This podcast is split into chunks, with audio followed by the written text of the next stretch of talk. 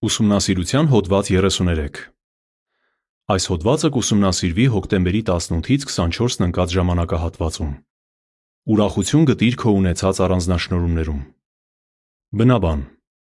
Ավելի լավ է աչքով տեսնել, քան հոգով թափառել։ Ժողովող 6:9 Երկ 111 Մեր ուրախության պատճառները Այս հոդվածում մենք շատ ենք սիրում Եհովային և ցանկանում ենք մեր լավագույնն անել նրա գործում։ Ուստի շատերս ընդլայնում ենք մեր ծառայությունը և ձգտում համապատասխանել որոշակի պահանջների, որպեսզի կարողանանք ժողովում հավելյալ առանձնաշնորհումներ ստանձնել։ Իսկ ինչ կարող ենք անել, որպեսզի չթուլացնենք մեր եռանդը և չկորցնենք ուրախությունը, եթե չնայած մեր ջանքերին չենք կարողանում հասնել որոշ նպատակների։ Տաղանդների մասին Հիսուսի պատմած առակը պատասխանում է այս հարցին։ Պարբերություն 1 Հարց. Ինչպե՞ս են շատերը փորձում ընդլայնել ծառայությունը։ Մինչ մոտենում է այս աշխարհի վերջը, մենք շատ գործ ունենք անելու։ Բոլորս էլ ցանկանում ենք հնարավորինս շատ ծառայել Եհովային։ Մեզանից շատերը ընդլայնում են իրենց ծառայությունը։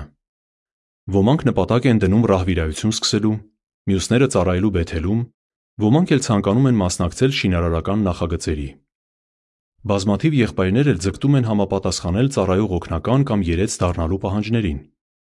Եհովան պետք է որ շատ ուրախ լինի, տեսնելով, որ իր ժողովուրդը պատրաստական ոգի է դրսևորում։ Պարբերություն 2 Հարց. Թերևս ինչ զգացումներ ենք ունենում, երբ չենք կարողանում հասնել որոշ հոգևոր նպատակների։ Այնուամենայնիվ, եթե երկար ժամանակ է ինչ չենք կարողանում հասնել մեր հոգևոր նպատակներին, գուցե վհատվենք։ Կամ գուցե թևաթափ լինենք, եթե մեր տարիքի կամ այլ հանգամանքների պատճառով չենք կարողանում ստանձնել որոշ առանձնաշնորհումներ։ Մելիսան նմանատիպ իրավիճակում է։ Նա շատ կուզեր ծառայել Բեթելում կամ սովորել թագավորության քարոզիչների դպրոցում։ Նա ասում է. Ինձ համար այդ առանձնաշնորհումները երազանք են, քանի որ արդեն տարիքս անցել է։ Երբեմն վհատվում եմ դրա պատճառով։ Պարբերություն 3 Հարց. Ինչ քայլեր պետք է ձեռնարկեն ոմանք, որպեսզի կարողանան ստանձնել որոշ առանձնաշնորհումներ։ Նրանք, ովքեր երիտասարդ են և լավ առողջություն ունեն, հավելյալ առանձնաշնորհումներ ստանձնելու համար թերևս պետք է հոգևորապես հասունանան և որոշ հատկություններ զարգացնեն։ Հնարավոր է նրանք խելացի են, վճռական և եռանդուն, բայց կարիք ունեն լինելու ավելի համբերատար, պատասխանատու և հարգալից։ Եթե կենտրոնանաս անհրաժեշտ հատկությունները զարգացնելու վրա, գուցե ստանաս այն առանձնաշնորհումը, որին ձգտում ես, և դա լինի այն ժամանակ, երբ ամենաքիչն ես սպասում։ Ուշադրություն դարձնենք Նիկի օրինակին։ Քսան տարեկանում նա մեծ հիասթափություն ապրեց, քանի որ չէր նշանակվում ծառայող օգնական։ Նիկը ասում է. Մտածում էի ինձ հետ մի բան այն չէ։ Բայց նա չհանձնվեց և շարունակեց իր լավագույնն անել ժողովում ու քարոզչական գործում։ Այսօր Նիկը մասնաճյուղի կոմիտեի անդամ է։ Պարբերություն 4 Հարց. Ինչ ենք քննելու այս հոդվածում։ Դու ե՞լ ես ընկճված, քանի որ դեռ չես հասել այն հոգևոր նպատակին, որին ձգտում ես։ Եթե այո, ապա պատմիր Եհովային, թե ինչ ես զգում։ Կարող ես նաև խորհուրդ հարցնել փորձառու եղբայրներից, որպեսզի իմանաս, թե ինչպես բարելավես ծառայությունդ։ Հետո ամեն ջանք թափիր, որ կիրառես նրանց տված խորհուրդը։ Արդյունքում գուցե հասնես նպատակիդ։ Բայց հնարավոր է Մելիսայի պես քո հանգամանքներն էլ թույլ չտան, որ այս պահին ստանձնես այն առանձնաշնորհումը, որ կցանկանայիր։ Այդ դեպքում ի՞նչ կարող ես անել, որ չկորցնես ուրախությունդ։ Այս հարցին պատասխանելու համար քննենք երեք հարց։ Առաջին. Որտեղ կարող ես ուրախություն գտնել։ Երկրորդ. Ինչպես կարող ես ավելացնել քո ուրախությունը։ Եվ երրորդ. Ինչպիսի նպատակներ կարող ես դնել, որ չկորցնես ուրախությունդ։ Որտեղ կարող ես ուրախություն գտնել։ Պարբերություն 5 Հարց. Ուրախ լինելու համար ինչի վրա պետք է կենտրոնանանք։ Ժողովող 6:9 Ինչպես ասվում է Ժողովող 6:9-ում, մենք կարող ենք ուրախություն գտնել, եթե այն փնտրենք ճիշտ տեղում։ Կարդանք Ժողովող 6:9 Ավելի լավ է աչքով տեսնել, քան հոգով թափառել։ Սա էլ է ունայնություն և վազք քամու հետևից։ Նա, ով կենտրոնանում է այն բանի վրա, ինչ կարողանում է աչքով տեսնել, գնահատում է իր ունեցածը, օրինակ՝ իր ներկա հանգամանքները։ Իսկ այն մարդը, որը հոգով թափառում է, շարունակ ցանկանում է մի բան, ինչը չի կարող ունենալ։ Ինչ ենք սովորում։ Ուրախ լինելու համար մենք պետք է կենտրոնանանք այն ամենի վրա, ինչ ունենք, եւ իրատեսական նպատակներ դնենք։ Պարբերություն 6 Հարց. Որ առակը կուսումնասիրենք հիմա եւ ինչի վրա ուշադրություն կդարձնենք։ Արդյոք հնարավոր է բավարարվել միայն այն ամենով, ինչին արդեն հասել ենք։ Շատերի կարծիքով ոչ, քանի որ մարդը ի բնե հակված է նորանոր նպատակներ դնելու։ Սակայն իրականում դա հնարավոր է։ Մենք կարող ենք ոչ միայն պարզապես բավարարվել այն ամենով, ինչ կարողանում ենք աչքով տեսնել, այլև ուրախություն ստանալ դրանից։ Ինչպես։ Պարզելու համար քննենք տաղանդների մասին Հիսուսի պատմած առակը, որն արձանագրված է Մատթեոս 25-ի 14-ից 30 համարներում։ Առակից կիմանանք, թե կենտրոնանալով մեր ներկայիս օրհնությունների վրա, ինչպես կարող ենք ուրախություն գտնել եւ նույնիսկ ավելացնել այն։ Ինչպես կարող ես ավելացնել ուրախությունդ։ Պարբերություն 7 Հարց. Հակիրճ պատմիր տաղանդների մասին առակը։ Մի մարդ պատրաստվում է գնալ օտար երկիր։ Ճանապարհ ընկնելուց առաջ նա կանչում է իր ծառաներին եւ նրանց տաղանդներ տալիս գործի մեջ դնելու համար։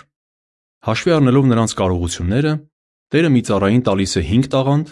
մյուսին 2, իսկ երրորդին 1։ Առաջին երկու ծառաները տքնաջան աշխատում են, որպեսզի ավելացնեն տիրոջ փողը,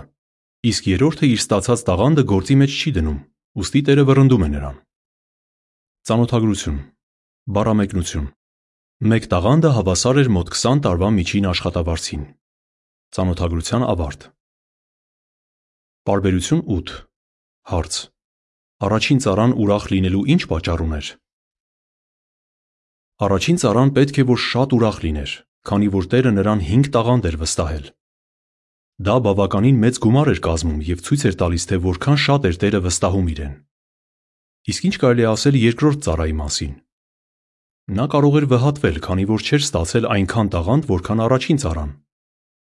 Բայց տեսնենք, թե ինչպես նա արձագանքեց։ Պարբերություն 9 Հարց. Ինչ չասաց Հիսուսը երկրորդ ծառայի վերաբերյալ։ Մատթեոս 25:22 եւ 23։ Կարդանք Մատթեոս 25:22-ը եւ 23-ը։ Ապա մտեցավ երկու տաղանդ ստացողը ու ասաց. Տեր, դու ինձ երկու տաղանդ տվեցիր, ահա ես երկու տաղանդ եւս շահեցի։ Տերն ասաց. Ապրես, բարի եւ հավատարիմ ծառա։ Դու քիչ բաների մեջ հավատարիմ եղար, ես քեզ շատ բաների վրա կնշանակեմ։ Մասնակից եղիր քո տիրոջ ուրախությանը։ Հիսուսը չասաց, որ երկու տաղանդ ստանալու պատճառով ծառան նեղվել է կամ բարկացել։ Հիսուսը նաև չասաց, որ նա տրտնջացել է, ասելով. «Միայն այսքանը։ Ինչու՞։ Ինչով եմ պակաս այն ծառայից, ով 5 տաղանդ ստացավ։ Ես էլ եմ նրա պես տքնաջան աշխատում։ Եթե իմ Տերը ինձ չի գնահատում, ավելի լավ է ես էլ իմ երկու տաղանդը հողի մեջ թաղեմ եւ ինձ համար աշխատեմ։ Պարբերություն 10 Հարց. Ինչպես վարվեց երկրորդ ծառան։ Երկրորդ ծառան առաջին ծառայի պես լրջորեն վերաբերվեց իր հանձնարարությանը եւ տքնաջան աշխատեց իր տիրոջ համար։ Արդյունքում նա կրկնապատկեց տիրոջ տաղանդները։ Այս ծառայի աշխատասիրությունը առատորեն վարձատրվեց։ Նրա տերը ոչ միայն ուրախացավ, այլև նրան ավելի շատ պատասխանատվություններ վստահեց։ Պարբերություն 11 Հարց. Ինչպես կարող ենք ավելացնել մեր ուրախությունը։ Նմանապես, մեր ուրախությունը կավելանա, եթե մեր սիրտը դնենք ցանկացած հանձնարարության մեջ, որ ստանում ենք։ Ամբողջությամբ տրամադրիր քեզ ծառայությանը եւ լիարժեքորեն ներգրաված եղիր ժողովի գործերում։ Լավ պատրաստվիր հանդիպումներին, որ เป զի կարողանաս քաջալերական մեկնաբանություններ տալ։ Լուրջ վերաբերվիր ցանկացած հանձնարարության, որ կստանաս միջշաբաթյա հանդիպման ժամանակ։ Եթե քեզ ժողովում որևէ գործ են վստահում, եղիր պարտաճանաչ եւ հուսալի։ Երբեք մի մտածիր, որ քեզ հանձնարարվածը կարևոր բան չէ եւ չարժե դրա վրա ժամանակ ծախսել։ Ձգտիր բարելավել հմտություններդ։ Որքան շատ կլանված լինես քո հոգևոր գործերով եւ հանձնարարություններով, այնքան ավելի արագ կառաջադիմես եւ ավելի մեծ ուրախություն կստանաս։ Բացի այդ, քեզ համար ավելի հեշտ կլինի ուրախանալ ուրիշների հետ, երբ նրանք ստանան այնպիսի առանձնահատկություններ, որոնք դուք ցանկանայիր ունենալ։ Նկար։ Պարբերություն 9-ից 11։ Նկարի մակագրություն։ Ինչ ենք սովորում Հիսուսի պատմած Արագի երկրորդ ծառայից։ Առաջին, նա իր տիրոջից երկու տաղանդ ստացավ։ Երկրորդ, նա տքնաջան աշխատեց, որ ավելացնի տիրոջ փողը։ Երորդ, նա կրկնապատկեց տիրոջ տաղանդները։ Պարբերություն 12 Հարց. Ինչ քայլեր ձեռնարկեցին երկու վկաներ, որ ավելի ուրախ լինեն։ Ինչ եղավ Մելիսայի հետ, ով ուզում էր ծառայել Բեթելում կամ սովորել թագավորության քարոզիչների դպրոցում։ Մելիսան չէր կարող իրականացնել իր այս ցանկությունները, բայց տեսնենք, թե ինչ է նա ասում։ Որպես ռահվիրա ես փորձում եմ իմ լավագույնն անել եւ ձգտում եմ մասնակցել ծառայության բոլոր ձևերին։ Դա ինձ մեծ ուրախություն է ապարգևում։ Իսկ ինչպես վարվեց Նիկը, ով հիասթափվել էր, քանի որ ծառայող օգնական չէր նշանակվում։ Նա պատմում է. Ես կենտրոնացա այն առանձնահատկությունների վրա, որ այդ պահին ունեի, օրինակ ծառայությանը մասնակցելը եւ ժողովում քաջալերական մեկնաբանություններ տալը։ Բացի այդ, Բեթելի դիմում լրացրի եւ հենց հաջորդ տարի ինձ հրավիրեցին։ Բարբերություն 13 Հարց. Ինչ կլինի, եթե լիարժեքորեն կատարես ներկայիս հանձնարարություններդ։ Ժողովող 2:24 Եթե լիարժեքորեն կատարես քո ներկայիս հանձնարարությունները, արդյոք ապագայում ավելի շատ պատասխանատվություններ կվստահվեն քեզ։ Հնարավոր է։ Օրինակ Նիկի դեպքում այդպես եղավ։ Բայց եթե Մելիսայի նման դու էլ չկարողանաս ունենալ այն առանձնահատկությունները, որ կցանկանայիր, միևնույն է, կարող ես մեծ ուրախություն ստանալ քո ծառայությունից եւ բավարարվածության զգացում ունենալ։ Կարդանք ժողովող 2:24-ը։ Մարդու համար բացի ուտելուց, խմելուց եւ իր տքնաջան աշխատանքով իր հոգուն հաճույք պատճառելուց ավելի լավ բան չկա։ Ես տեսել եմ, որ դա էլ է ճշմարիտ Աստծո ձեռքից։ Դու նաև ուրախ կլինես այն բանի գիտակցումից, որ քո թափած ջանքերը հաճելի են մեր Տիրոջը, Հիսուս Քրիստոսին։ Նպատակներ, որ կավելացնեն մեր ուրախությունը։ Բարբերություն 14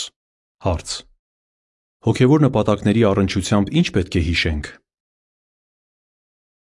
Արդյոք մեր ներկայիս առանձնահատկությունների վրա կենտրոնանալը նշանակում է, որ չպետք է առիթներ փնտրենք ընդլայնելու մեր ծառայությունը։ Մենք կարող ենք եւ պետք է հոգևոր նպատակներ դնենք, որպեսզի շարունակենք բարելավել մեր հմտությունները ծառայության մեջ եւ օգտակար լինենք մեր քույրերին ու եղբայրներին։ Դա մեզ կհաջողվի, եթե իմաստություն եւ համեստություն դրսեւորելով կենտրոնանանք ոչ թե մեզ վրա, այլ ուրիշներին ծառայելու։ Բարբերություն 15 Հարց. Որ նպատակները կօգնեն քեզ, որ ավելի ուրախ լինես։ Ինչ նպատակներ կարող ես դնել։ Խնդրիր Եհովային, որ օգնի քեզ հասկանալ, թե ինչ իրատեսական նպատակներ կարող ես դնել։ Այս հոդվածի առաջին պարբերության մեջ նշված էին որոշ նպատակներ, որոնց կարող ես ձգտել։ Օրինակ, կարող ես դառնալ ենթարահվիրա, ռահվիրա, ծառայել Բեթելում կամ մասնակցել շինարարական նախագծերի։ Նաև կարող ես բարի լուրը քարոզելու համար նոր լեզու սովորել կամ տեղափոխվել օտարախոս տարածք։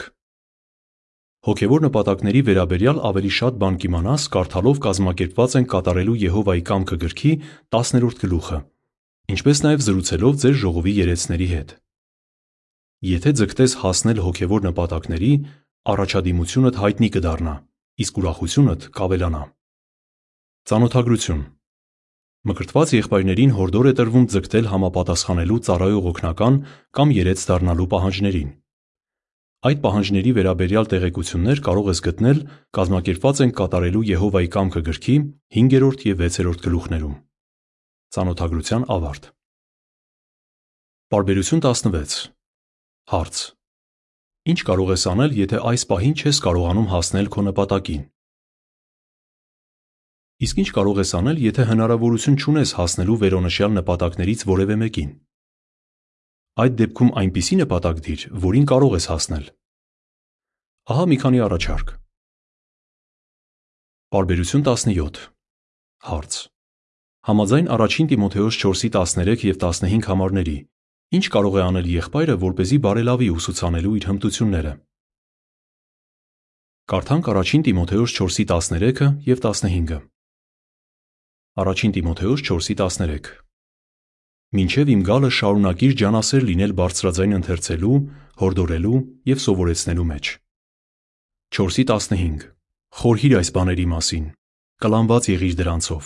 որ เป զի առաջադիմությունդ հայտնի լինի բոլորին։ Եթե մկրտված եղբայր ես, կարող ես նպատակ դնել բարելավելու, խոսելու եւ սովորեցնելու հմտություններդ։ Ինչու՞։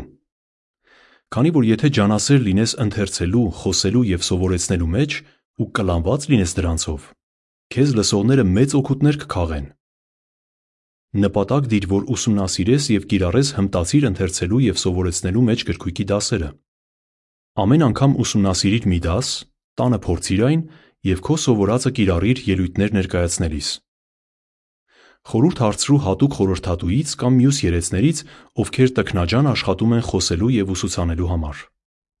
Առաջին Տիմոթեոս 5:17 Կենտրոնացիր ոչ միայն դասը կիրառելու վրա, այլև ունկնդիրներիդ օգնելու, որ ամրացնեն իրենց հավատը եւ մղվեն գործերի։ Արդյունքում թե քո, թե նրանց ուրախությունը կավելանա։ Ծանոթագրություն. Բառամեկնություն Ժողովում հատուկ խորհրդատու է նշանակվում երեցներից մեկը։ Նա անհրաժեշտության դեպքում առանձին խորհուրդ է տալիս երեցներին եւ ծառայող օգնականներին ժողովում ընթերցելու եւ ուսուցանելու հետ կապված նրանց ստացած ցանկացած առաջադրանքի վերաբերյալ։ Ծանոթագրության ավարտ։ Բարբերություն 18 Հարց. Ինչը կարող է օգնել, որ հասնենք ծառայության մեջ ունեցած մեր նպատակներին։ Մենք բոլորս քարոզելու եւ աշակերտներ պատրաստելու հանձնարարություն ենք ստացել։ Կցանկանայիր բարելավել հմտություններդ այս կարևոր գործում։ Ուսումնասիրիր հմտացիր գրքույկը եւ կոնկրետ նպատակներ դիր սովորածդ կիրառելու համար։ Հավելյալ առաջարկներ կարող ես գտնել մեր քրիստոնեական կյանքը եւ ծառայությունը հանդիպման ձեռնարկում, ինչպես նաեւ միջշաբաթյա հանդիպման ժամանակ ցուցադրվող զրույցի օրինակների տեսանյութերում։ Փորձիր տարբեր առաջարկներ եւ տես թե որոնք են ավելի արդյունավետ։ Եթե կիրառես այս առաջարկները, կհմտանաս քարոզչական գործում եւ մեծ ուրախություն կստանաս քո ծառայությունից։ Բարբերություն 19 Հարց. Ինչպես կարող ես քրիստոնեական հատկություններ զարգացնել։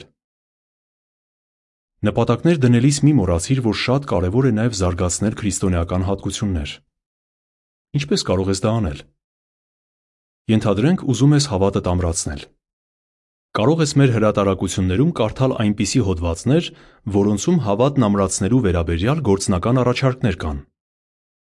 Դու նաև մեծ օգուտներ կքաղես դիտելով JW հեռարձակման ամսական ծրագրերից հատվածներ մեր այն եղբայրների ու քույրերի մասին, ովքեր ամուր հավատ են դրսևորել տարբեր փորձությունների բախվելիս։ Այնուհետև մտածիր, թե ինչպես կարող ես ընդօրինակել նրանց հավատը։ Նկար։ Բարբերություն 17-ից 19։ Եղբայրը փնտրտուքներ է անում մեր հրատարակություններում, որ เป զի հմտանա սովորեցնելու արվեստում։ Քույրը, ով ոչ պաշտոնական վկայություն տալու նպատակ է դրել, այցեկարտ է տալիս մատուցողուհուն։ Քույրը, ով ցանկանում է քրիստոնեական հատկություններ զարգացնել,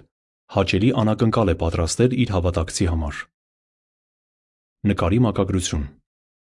Ինչ իրատեսական նպատակներ կարող ես դնել։ Բարբերություն 20 Հարց. Ինչպես կարող ենք ավելացնել մեր ուրախությունը եւ խուսափել հիասթափություններից։ Անկասկած բոլորս էլ կցանկանայինք ավելին անել Եհովայի համար։ Նոր աշխարհում մենք կկարողանանք լիարժեքորեն ծառայել Նրան։ Բայց մինչ այդ, եթե լավագույնս օգտվենք մեր ներկայիս հանգամանքներից, կավելացնենք մեր ուրախությունը եւ կխուսափենք հիասթափություններից։ Իսկ որ ամենակարևորն է,